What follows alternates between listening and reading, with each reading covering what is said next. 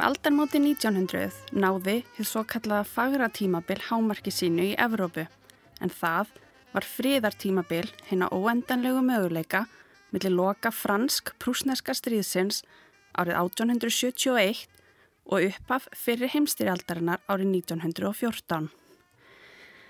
Menningin blómstræði og þetta gullna skeið sem var loknið á undan stormi styrjaldana tveggja einkendist af bjart síni, hagsæld og framförum í vísindum og tækni.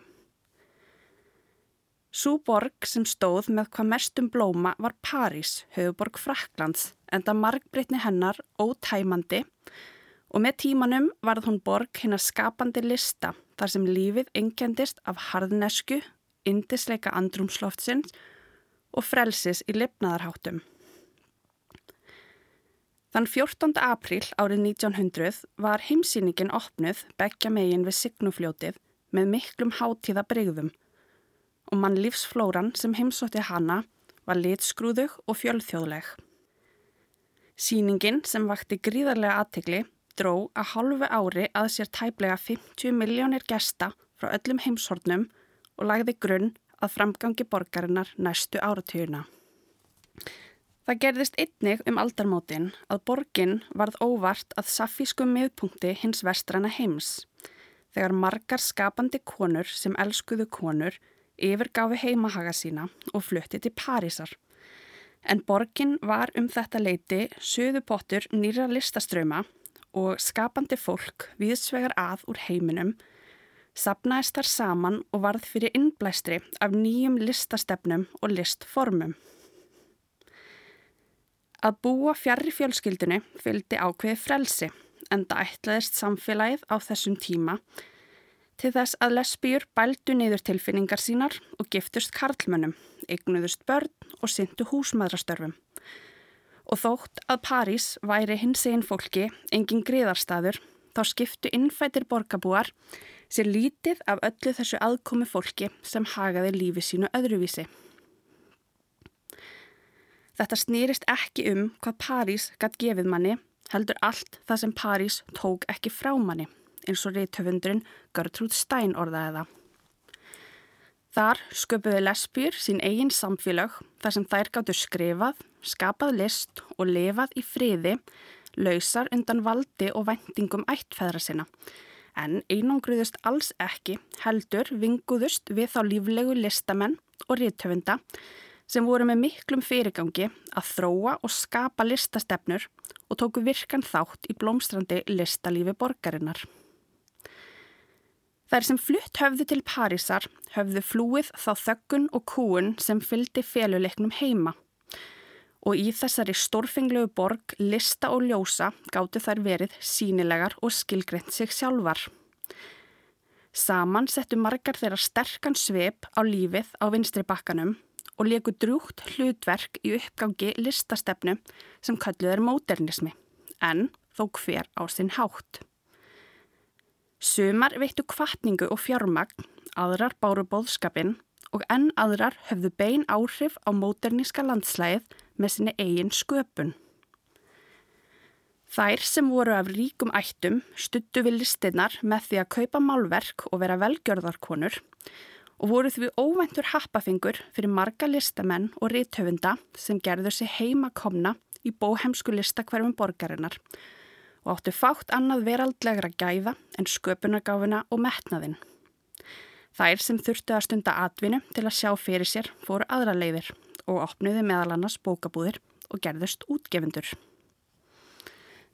Modernismi er stefna í bókmöndum og listum sem flókið er að binda niður í tíma en almennt er átt við tímabil sem nær frá setni hluta 19. aldar til miðbyggs eða setni hluta þeirra 20.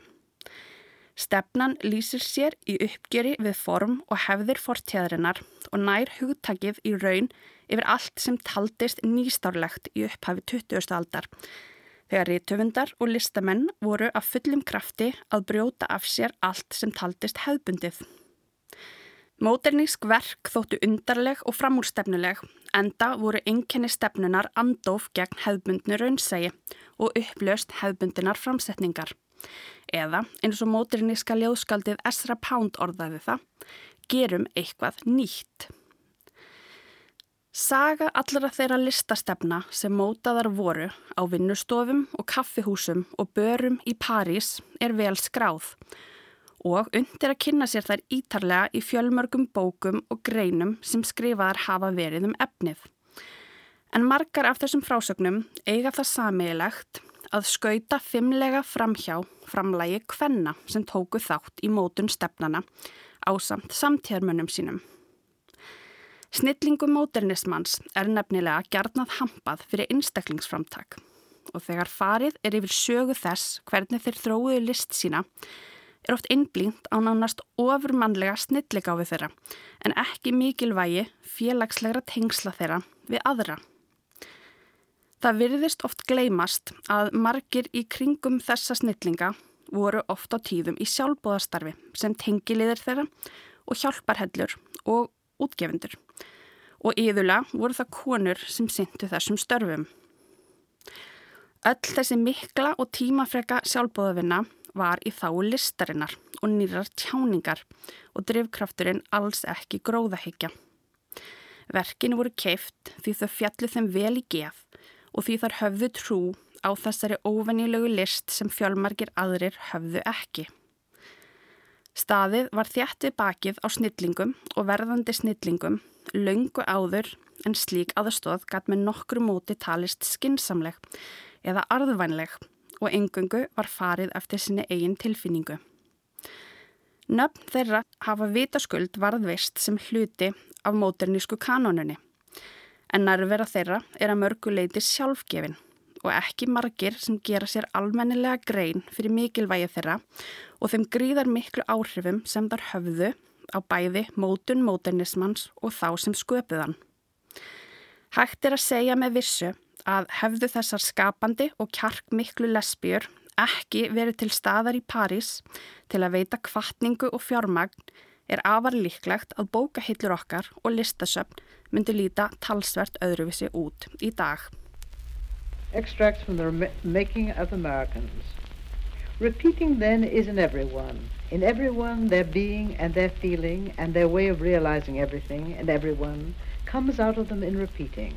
More and more then everyone comes to be clear to someone.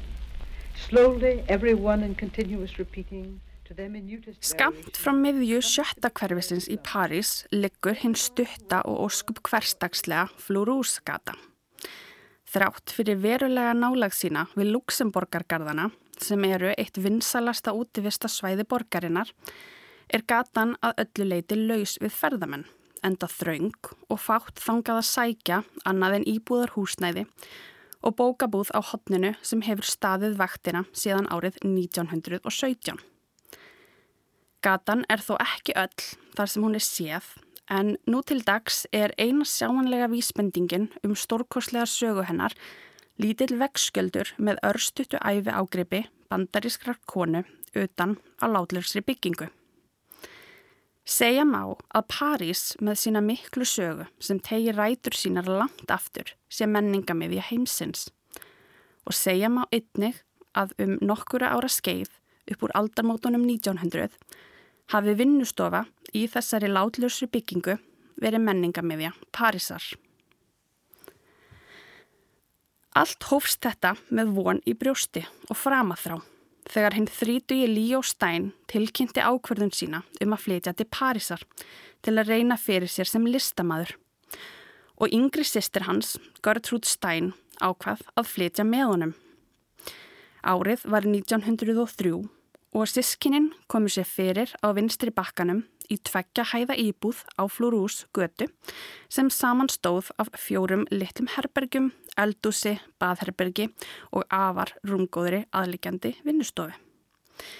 Gertrúd Stein fættist árið 1874 í Pennsylvania fylki í Bandaríkjónum og var yngst af sjöbörnum foreldra sinna en aðeins þrjú komust á fullarinnsaldur. Þegar hún var á úlingsaldri létust fóreldrar hennar með stuttu millibili en elsti sonurinn Michael sem hafði farið út í kaupsíslu ávakstaði arfin svo vel að eftirlifandi sískinin gáttu lifað á honum árum saman. Hún var afar bóknegð í æsku og hafði miklar áhyggjur af því að eftir nokkur ár ætti hún engar bækur eftir ólesnar því hún væri búin að lesa þær allar.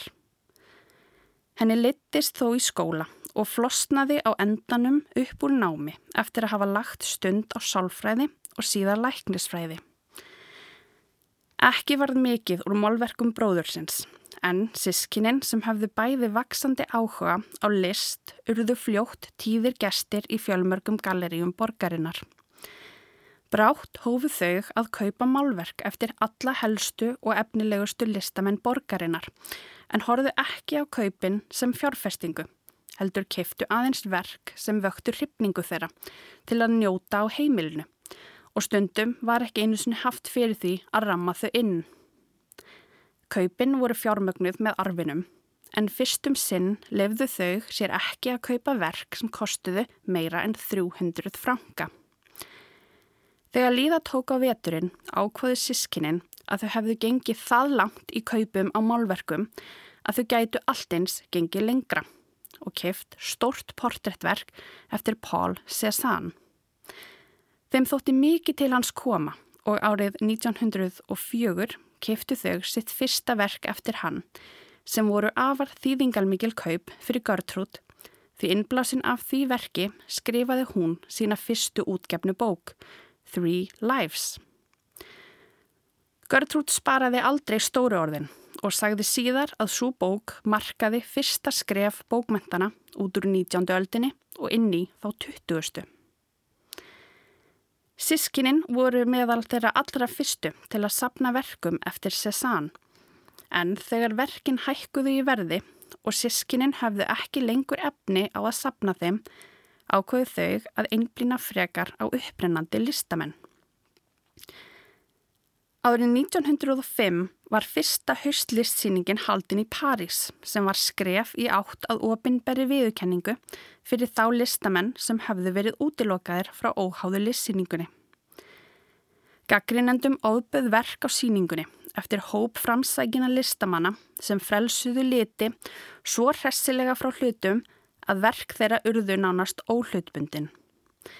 Þessir listamenn voru uppnefndir fávistar eða villidýr og í fararbróti þeirra var upprinnandi listamæður að nafni Henry Matisse sem hafði sendt inn portréttverk af eiginkonu sinni með hatt.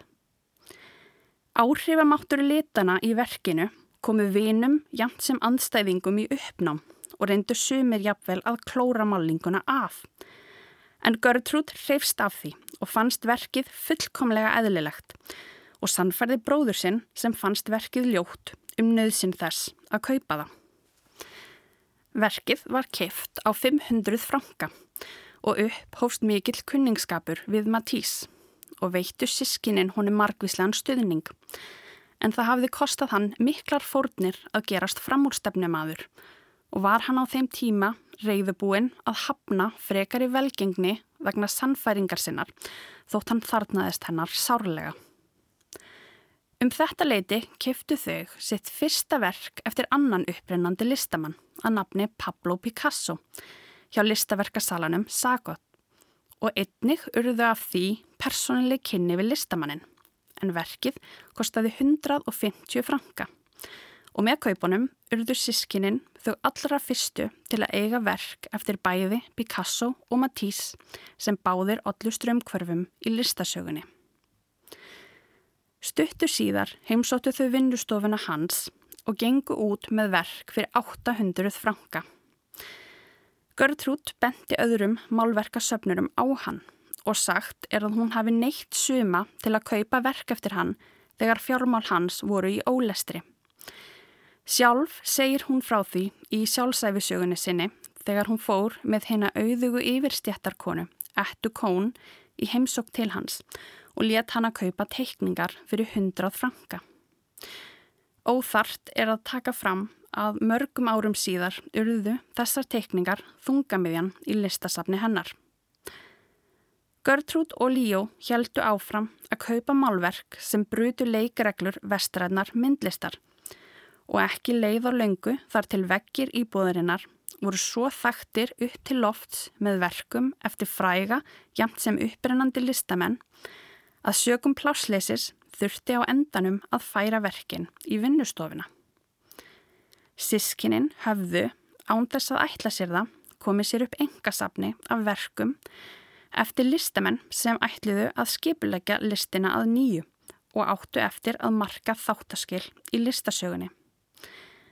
Þetta varð þeim til eftirbreytni og smám saman fór gesti að bera að heimilið þeirra sem vildu sjá þessi áhugaverðu málverk. Hinnar viðfrægu lögardagssamkomur hófust eftir að ókunnir tóku að banka upp á hjá þeim á öllum tímum sólarhengsins til að sjá þetta vaksandi málverkasap þeirra og þó tekið væri vel á móti öllum gestum ákvaðu þau að hendugra væri að hafa opið hús á lögadarskvöldum frá klukka nýju og fram á nótt. Þangað stremdu listamenn, mentamenn, aðalsmenn, stúdentar, áhangendur og aðrir velunarar listana og vita skuld allir sem vildu sína sig og sjá aðra. Og brátt var þessi vinnustofa að samkomustaf sem átti eftir að hafa gríðarleg áhrif á listasenuna í borginni. Görtrúd hafði sterk áhrif á fólk og með tímanum komu gestirnir ekki lengur bara til að skoða málverkin, heldur einnig til að hitta og tala við hana. Picasso og Gertrude urðu afargóðir vinir og henni fannst rítverk hennar og málverk hans fyllilega sambærileg, en það voru þau bæði að tjá það sama á öðruvísi hátt en allir hinir. Þegar árin liðu og Gertrude fór að standa með sjálfur sér og lýsa yfir sjálfstæði sínu frá bróðu sínum sem hafði ákveðnar og óhaggandi skoðanir á list og bókmyndum sem fóru með tímanum að stangast á við hennar hafði það í för með sér höfnun og einsemt og Picasso þjónaði hlutverki sínu vel sem staðgengill bróður hennar og trúnaðavinnur. Bráðulega tók hann til við að mála portréttverk af henni og daglega gerði hún sér ferð yfir þvera París til að setja fyrir hjá húnum. Hún satt fyrir hjá húnum 80 eða 90 sinnum í heildina en þegar dró að lokum setunar sagðist Picasso ekki lengur sjá hana þegar hann horði á hana og málaði algjörlega yfir höfuðið. Verkið var látið standa og fullgert yfir sumarið á meðan hann ferðaðist um spán en um haustið fylgti hann út andlit strætti hennar eftir sínu höfði og þegar honum var bent á að verkið væri ekki sérlega líkt fyrirsætunni, sagði hann það skipta engum máli. Verkið mun líkast henni. Mörgum árum síðar sagðist hún enn vera ánað með verkið. Fyrir mér er hún ég og hún er eina myndin af mér sem er alltaf ég. Segja má að verkið sé millibilsverk sem markar endalog rosa tímabilsins og upphaf kúbismans en ári síðar málaði hann ungfrúdnar frá Avignon sem almennt er talið vera fyrsta verk kúbismans. Þegar hann var að skapa hinn umdelda kúbisma á samt brakk sem er listastefna þar sem myndefnið er einfaldað og leist upp í marga formhluta snýru margir vinir hans og aðdáendur við honum baki en það gerði Gertrúd ekki. Hún gerði sér fyllilega grein fyrir þeim rótæku breytingum sem fólust í stefninni og hafði næmt auga og trú á þessum listamanni sem síðar varð stærsta nafnið í listrætni ringulreið 20. aldarinnar.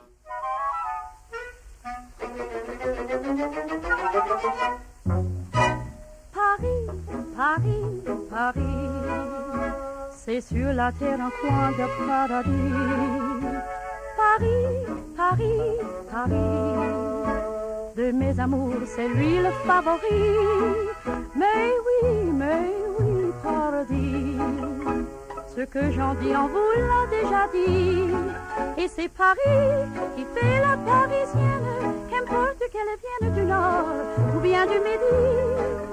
Et c'est aussi le charme et l'élégance et l'âme de la France, tout cela, mais c'est Paris. Paris, Paris, Paris. Á upphafstögunum í París hendaði það Gertrúd afar vel að búa með bróðu sínum.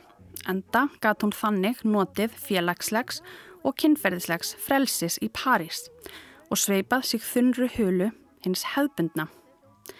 Hún hafði á sínum háskóla árum verið í sambandi með konum og hóf meðal annars rittferil sinn með því að skrifa lesbíska skáldæfisögu árið 1903 um ástarsambund hennar við Mari Bookstaver og Mabel Haynes sem var snarlega stungið ofan í skuffu og ekki gefin út fyrir enn fjórum árum eftir andlát hennar.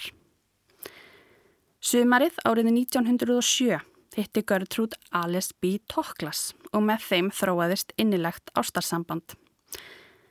Alice varð fljótt fastagestur á heimili sískinana og árið 1910 flutti hún inn til þeirra.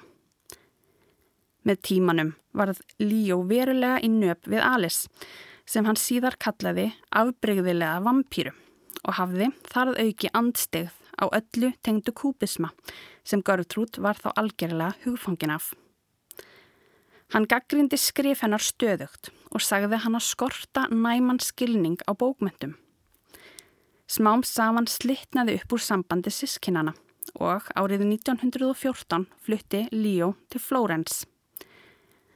Þau skiptu að milli sín listasafninu og töluðust aldrei aftur við.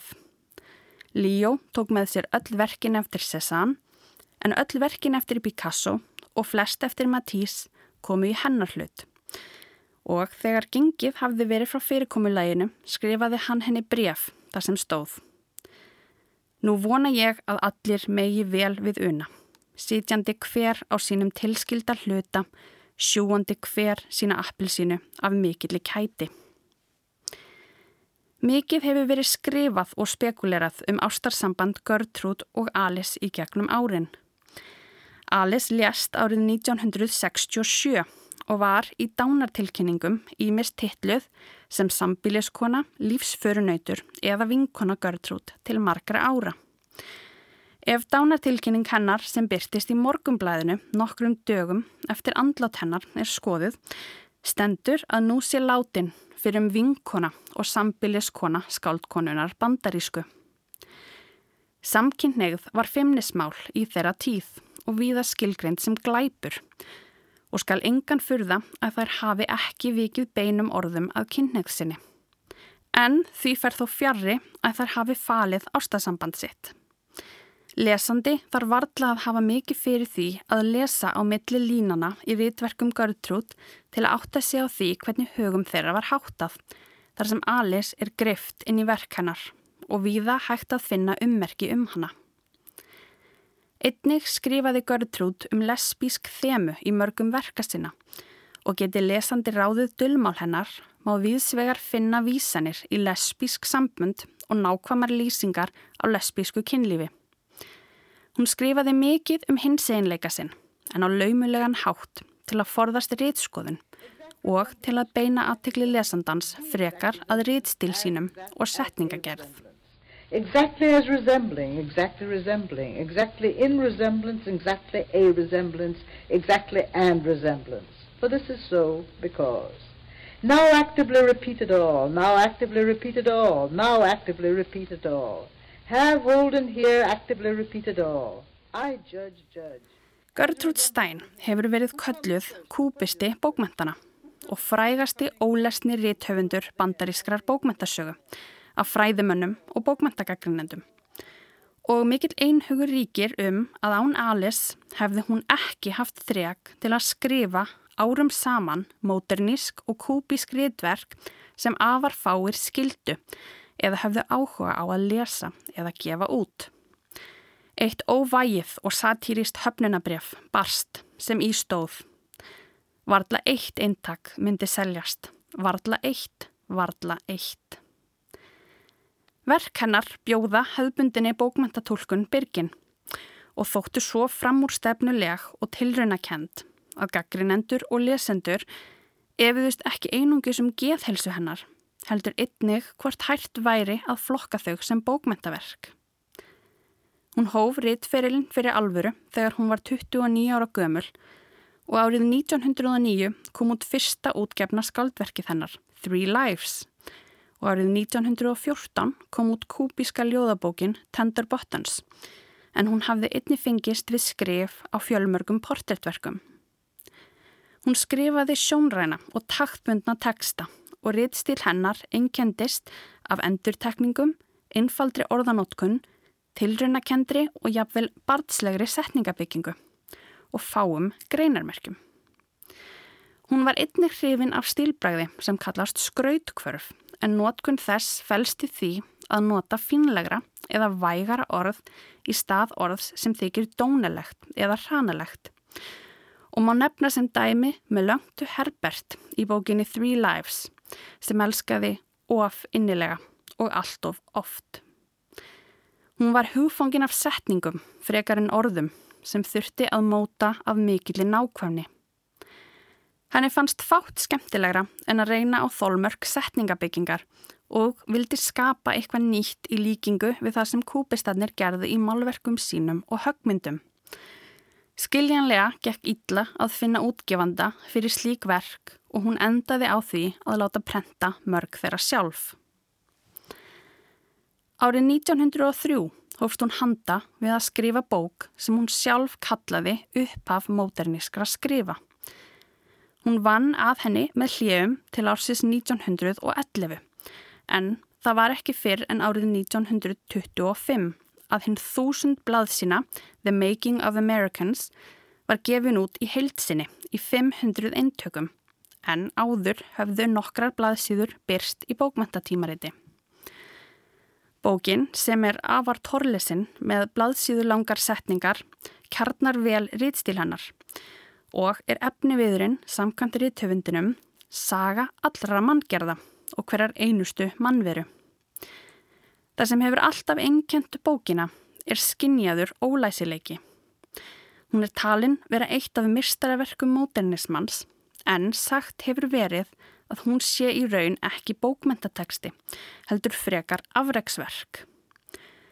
Hún er ólesanlegt stórvirki sem sínir færni og kunnáttu útlagari töfundar.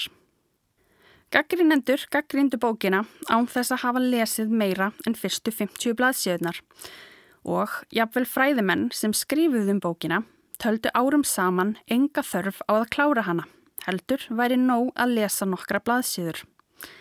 Slík vinnubröð eru vitaskuld ekki lengur í bóði og viður kendi blaðakonan Janet Malcolm fúslega að eftir margar mísefnaðar tilrunir væri eina leiðin til að komast í gegnum hana að sækja eldúsnýf og bókstaflega skera þessa kaplalösu þúsund blaðsína bók í kapla til að gera hana læsilega. Upplýsingar um tilurð bókarinnar eru einnig töluvert aðgengilegri heldur en upplýsingar um innihaldið. Alice sá um að reytstýra, velrita texta og leiðrætta prófarkir. Síðar stopnaði hún forlag svo að hún gæti sjálf gefið út verk ástkonu sinnar sem var fjármagnað með því að selja líkilverk eftir Picasso frá rósartímabilinu. Gertrúd var mikil styrkur af Alice sem var hennar fullkomni lesandi. Hún hrekti burt allar evasemdir um skort á snilligáfi og hvati hana til að halda sínu striki, hvað sem aðrir sögðu. Gamla lífið tók enda sumarið 1914 þegar styrjöldin mikla braust út og allt gjör breytist. Gertrúd var stödd á samt Alice í Lundunum til að hitta útgefandan John Lane og ganga frá samningi um endurútgafu á Three Lives þegar þíski herin nálgæðist París óðfluga og fekk ekki að snúa aftur heim fyrir henni í oktober. Þar heldu kyrru fyrir í París yfir veturinn en flúðu til Mæjorku árið 1915. Árið 1916 ákvæðu þær hins vegar að nú væri komin tími til að taka virkan þátt í stríðinu. Þar hefðu séð unga stúlku aka bifrið sem mert var bandarískum hjálparsjóði og eftir að hafa útvegað sér bifrið og lært að aka henni voru þær sendar af hjálparsjóðinum til Ímessa Hjeraða þar sem þær ógu á milli sjúkrahúsa að dreifa byrðum og pókum með nöðsynjavörum. Einnig unnu þær við sjúkraflutninga á særðum hermönum og undir lokstriðsins voru þær sendar til að hjálpa flóttafólki sem var að snúa tilbaka til að finna heimilis sín og þorp í rústum. Þær tóku að sér hermana guðsinni og reyndu sitt besta að halda sambandi við þá alla. Skildur þeirra sem Hermanna Guðmæður voru að senda svar strax og þeim barst bref á samt pakka af sætmeti eða nýtsamlegum hlutum á tíu daga fresti. Að stríðinu loknu hlutu þar viðurkenningu frá frönsku ríkistjórnini og voru sendar frönsku þakklætisorðinni.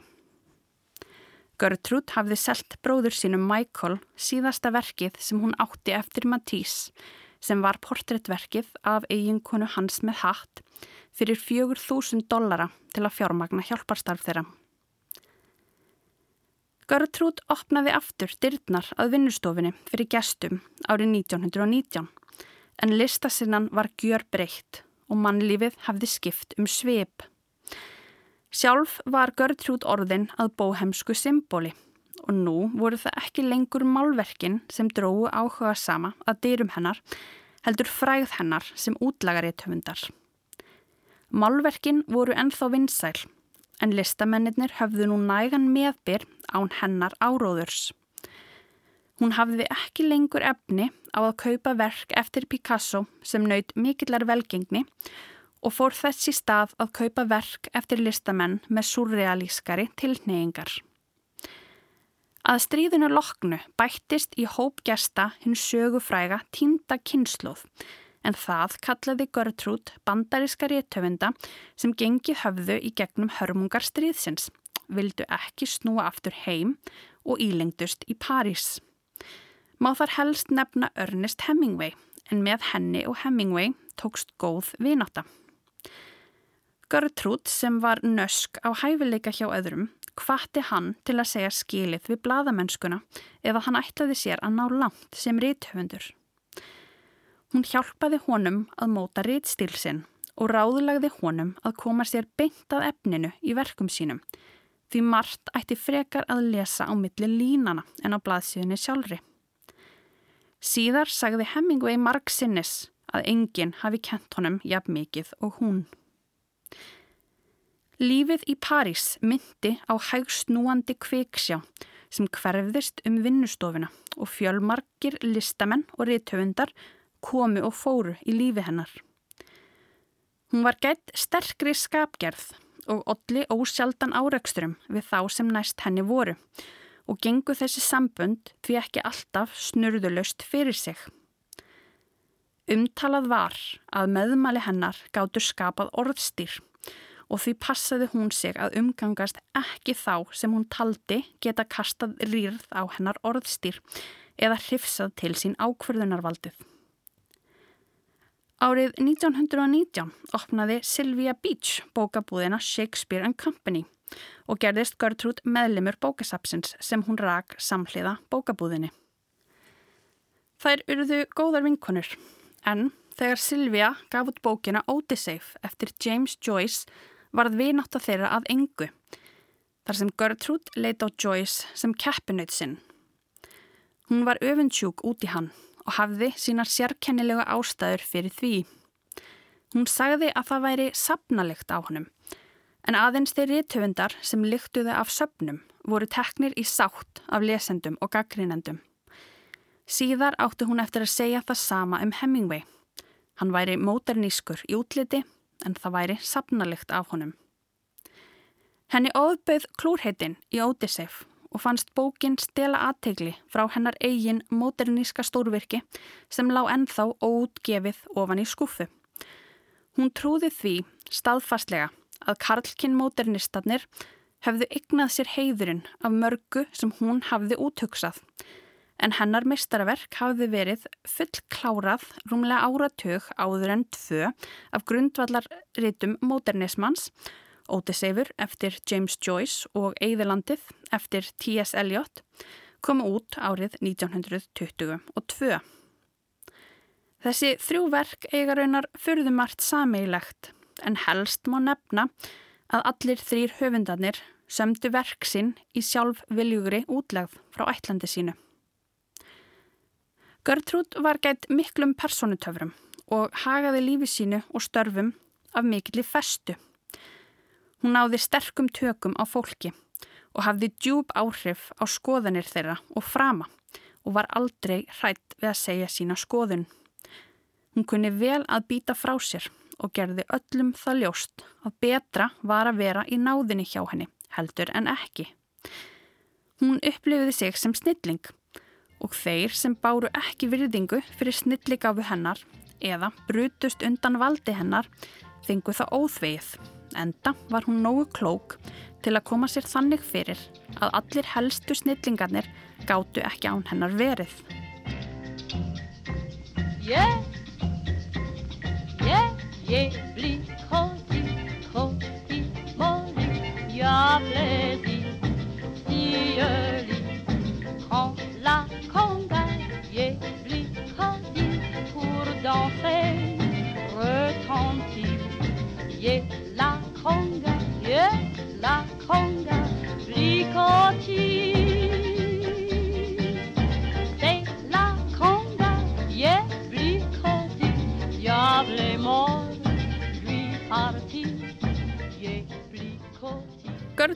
Stein upplifði sig utanveldu í bókmentaheiminum og var meðvituð um að jafnvel samtíma fólki fannst verkin hennar torskilin.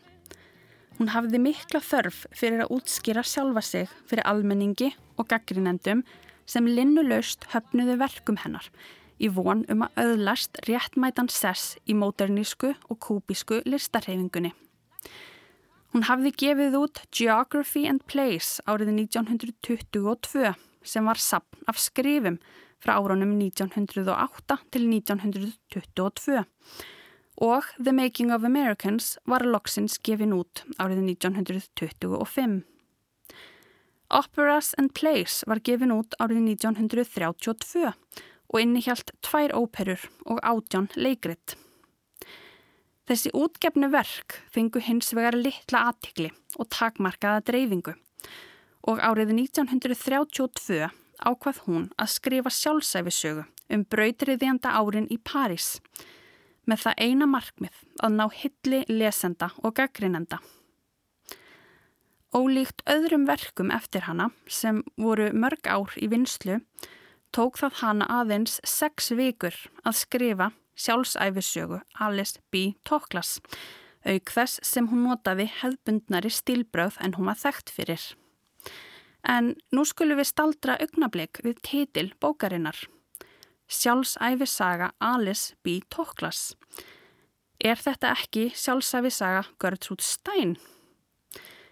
Gertrúd hafði skapað sér nafn í heimalandi sínu fyrir skrautlegan personuleika sinn og þáttöku í listalífi Parísar og margir útgefendur höfðu beðið hana um að skrifa sjálfsæfisögu sína en hún sagði alltaf nei. Hún kvatti hins vegar Alice til að skrifa sína eigin sjálfsæfisögu og sagði við hana, hugsaðu þér bara hvað þú geti grætt mikið á því. Alice lofaði að ef tími gæfist til skrifta myndi hún gera sjálfsæfi sögu sína. En svo fór að lokum að Gertrúd skrifaði bókina fyrir hana. Við lestur bendir flest til að Alice, ástkona hennar, sé þungamiðja bókarinnar. Enda kemur það skýrt fram í titli bókarinnar og frásögnin er í fyrstu personu frá hennar sjónarhóttni. Alice er hins vegar ekki alvitur sögumadur. Frásögn hennar er huglæg, auk þess sem hún var ekki viðstött þegar flestir atbyrðir sögunar áttur sér stað. Hún þarf að treysta á frásagnir annara. Fljótt verður ljóst að þótt sagan sé sögð af Alice og skrifuð í dölargerfi sjálfsæfi sögu hennar, kemur hún sjálf lítið við sögu. Það sem skilur meira eftir sig er yfirgnæfandi nærvera Gertrúd á nær hverri blaðsíðu. Segja má að sjálfsæfisagan sé í raun modernist portrettverk en í henni byrtist Gertrúd sem modernist listaverk samansett af sögum sem sagðar eru af röddum sem öll hafa eitthvað að segja sem endurspegla hana. Bent hefur verið á að Gertrúd sé í raun hvergi að finna í sinni eigin sjálfsæfisögu því lesandi fær engöngu að upplifa hana í gegnum aðra. Alice er aðeins málpípa sem Gertrúd notar til að losa sig undan ábyrðinni sem fylgir því að vera höfundur tekstans. Bókin er því ekki eiginleg sjálfsæfisaga, heldur móternísk skopstæling á sjálfsæfisögu í skaldsagnar formi. En sama hvað hún er, þá er hún ómetanleg heimild um bóhemlífið í París á fyrstu áratugum 20. aldarinnar. Bókin er skrifuð í vitindarstreymi sem er frásagnartækni þar sem rituð frásögn jafngildir hugsanaferli og var svo tækni mjög vinsæl meðal annara móternískra rithöfunda og má þar helst nefna James Joyce og Virginia Woolf. Sjálfsæfisaga Alice B. Toklas vakti mikla aðtikli þegar hún kom út í bandaríkjónum árið 1933 og fyrsta upplægið sem taldi 5.400 intök seldist upp í forsölu nýju dögum fyrir útgáfudag.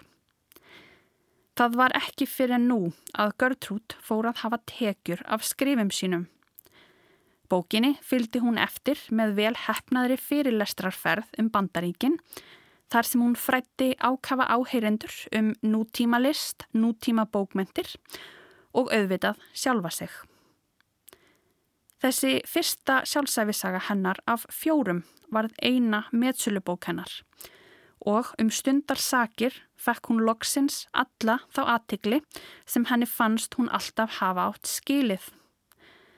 Gertrúd fór misfögurum orðum um fjölmarka einstaklinga í bókinni.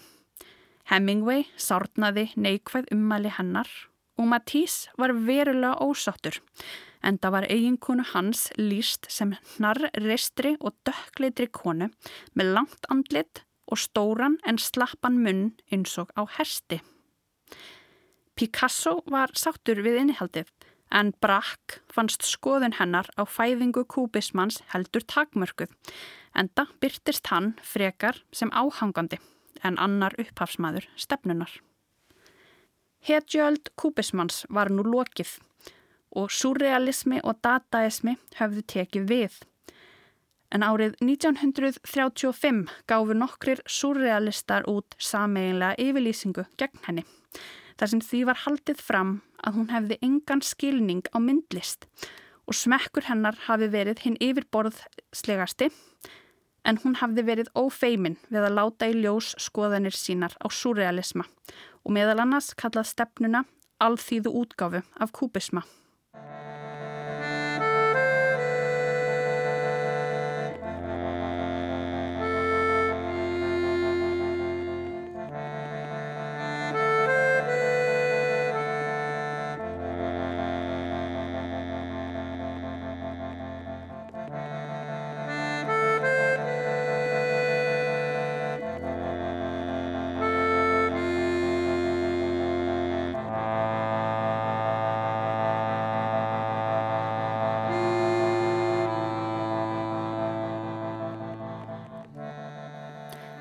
Gertrude Stein lest þann 27. júli árið 1946 á spítala í París eftir að hafa vext skindilega og verið skorin upp við magakrabbaminni. Hún arfleiti Metropolitan listasafnið í New York að portréttverkinu sem Picasso hafði málað af henni en fastegnir sínar og það sem var eftir af málverkasafninu eftirlétt hún Alice sem Stein-ættin var ekki íkja hrifin af og þar sem sambúð þeirra var óvíð og ekki viðurkend af löggjafanum gerðu þau kröfu um allar eignirnar enda málverkin og þá sérstaklega málverkin eftir Picasso orðin afar verðmætt. Alice rökklaðist úr íbúðinni og þurfti undir lokæfinar að treysta á fjárhagsáðstóð frá vinum og vandamönnum. Árið 1954 gaf hún út The Alice B. Toklas Cookbook sem er ykkurs konar sambland af matriðslubók og sjálfsæfisögu og seldist hún gríðarlega vel.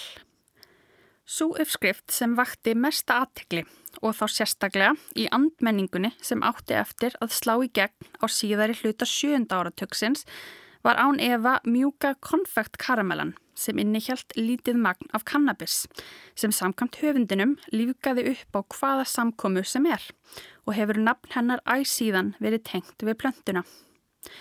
Árið 1963 kom út sjálfsæfisagan What is Remembered og töldu gaggrinendur þá bók fyllilega standast samanburð við sjálfsæfisögu Alice B. Toklas. Alice átti mjög erfitt eftir að Gertrúd lést. Hún verndaði arluð hennar að ákafa og var sögð af vinkonu þeirra, Janet Flanner, vera ekkulegust allra ekna. Hún lést þann 7. mars árið 1967 eftir langvarandi veikindi og var jarðsett við hlið ástkonu sinnar í Père Lachaise kirkugarðinum í París. En margir sem heimsækja gröfina skilja eftir blíjant eða penna til að heðra þessa næstum glemdu kvenhetju módernismans. Áratugum saman træðist Gertrude Stein í listalífunni í París og eru ótvíræð áhrif hennar á þróun módernismans löngu viðurkend en samt verðist erfitt að skilgreina hana og flokka innan stefnunar. Hún vildi láta minnast sín fyrir réthæfileika sína, en varð bersýnilega ekki að ósk sinni, þar sem personleiki hennar, engalíf og áhrif hennar á líf frægra manna er engum það sem almenningur og jafnvel fræðimenn hafa haft áhuga á. Nafn hennar hefur varðvist betur í listasögunni en bókmentasögunni og ólíkt þeim listamennum og rétthöfundum sem hún umgegst einskorðast fræð hennar ekki við verk hennar, heldur er það góðsögnin um hana sem lifir. Hún rak áróður fyrir málverk sem voru talin svo sérkennileg að fyrstu viðbrögð margra gesta voru að horfa á allt annað en þau og skrifaði teksta sem voru afskrifaðir sem ólesanlegir en skildi sjálf ekki af hverju fólk brást reyðilega við verkum hennar og hættist að rítættinum sem henni fannst svo skýr og eðlilegur. Þegar hún var eitt sinn spurð hvers vegna hún skrifaði ekki eins og hún talaði, spurði hún viðkomandi. Hvers vegna lest þú ekki eins og ég skrifa? Nú til dags er hún þekktust fyrir vinnustofuna sem hýrsti marga af frægustu snillingum aldarinnar og hinn við frægum málverk sem nú príða listasögn viðsvegar um heim. Eflaust þekkja einnig margir setninguna það er ekkert þarna þarna og ljóðlínuna Rós er rós er rós er rós án þess að vita að uppruna þeirra má rekja til hennar. Auðvelt er í dag að skopstæla þessar sérkennilegu endurtekningar hennar. En þegar þessar setningar voru skrifaðar hafðu þær gríðarlega áhrif á réttöfunda módernismans eins og Ernest Hemingway og James Joyce. Gertrude Stein fann kvorki upp módernisma nýja kúbisma en minning hennar hefur varðveist sem mikilvægur hluti af sögu þeirra. Líkt og aðrir móternistar var Gertrúd hugfangin af hugmyndinni um að skapa listaverk og með því að snúa sér að sjálfsæfisögunni og gera sig að viðfangsefninu gerði hún úr sjálfri sér móternísk listaverk. Hún varð boðberi þessara nýju listastefna og ásand listamennunum sjálfum seldi hún þá hugmynd að þessi óvenjulegu málverk sem áttu að skýra sig sjálf væru smíði snillinga. Hún sagði að raunverulegir snillingar væru sjálfgefir. Að gera hlutina flokna á nýjan hátt er auðvelt en að sjá þá á nýjan hátt er verulega erfitt. Hinn er forvitnu og áhugasömu flyktust að heimili hennar til að skoða þessi snildar verk og fyrir vikið varð vinnustofan sem köttið hefur verið fyrsta móterniska listasafnið og mekka allra framsækina listamanna, ein af þungamiðjum menningarinnar á vinstri bakka Signu í París.